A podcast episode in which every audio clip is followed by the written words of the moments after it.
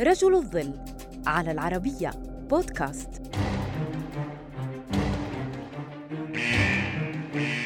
جهاز الإنذار يعطي تنبيها باللون الأحمر. ماذا يعني هذا لرجل عسكري؟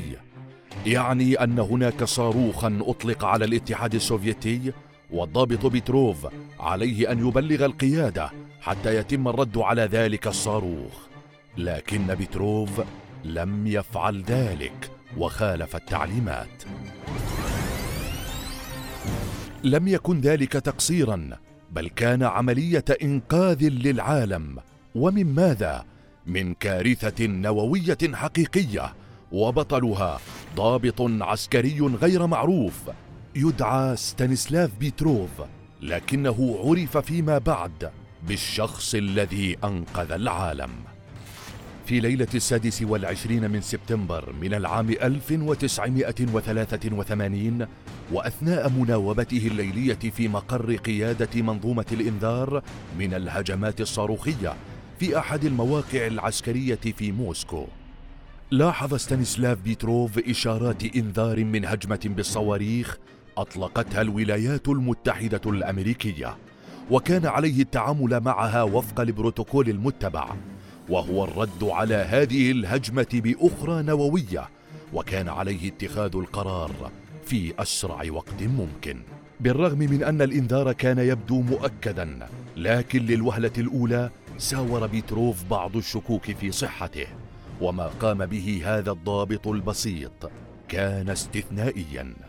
هاتف بيتروف القيادة العليا للجيش السوفيتي وأخبرهم عن وجود خلل في النظام وأن هذا الخلل يعطي إنذارا كاذبا من هجوم للطرف المعادي وجملة بيتروف هذه كانت كفيلة بإيقاف كارثة وجنبت العالم حربا نووية بين قوتين عظميين. يروي بيتروف تفاصيل تلك الليلة قائلا بعد مرور 23 دقيقة أدركت أنه لم يحدث شيء وهذا ما جعلني أشعر بالارتياح. وازداد ارتياحه بعد تحقيق الخبراء السوفييت من أجهزة الإنذار فتبين أن ذلك الإنذار كان كاذبا وسببه بالفعل خلل في النظام. لم يعرف أحد عن تلك الليلة العصيبة ولم يصرح بيتروف بها ولم يعش دور البطل فظل إنجازه مجهولا لعشر سنوات.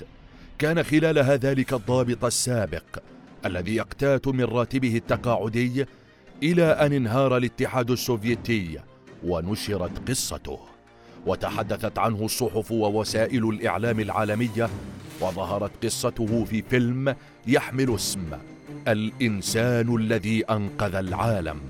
وتلقى العديد من رسائل الشكر والامتنان لكن وبالرغم من كل تلك الشهرة لم ير بتروف في نفسه إلا الضابط الذي واجه يوما صعبا في العمل. وكما أنقذ بيتروف العالم من دون أي ضجيج توفي بكل هدوء في منزله في التاسع عشر من مايو العام 2017 ومن دون أن تعلن أي وسيلة إعلامية وفاته. لتنتهي قصة ستانيسلاف بيتروف الذي عمل في الظل على إنقاذ العالم ومات في الظل أيضا. لتبقى مناوبته تلك أهم حدث رمزي لحقبة الحرب الباردة وليصفه من يسمع عنه بالرجل الذي أنقذ العالم.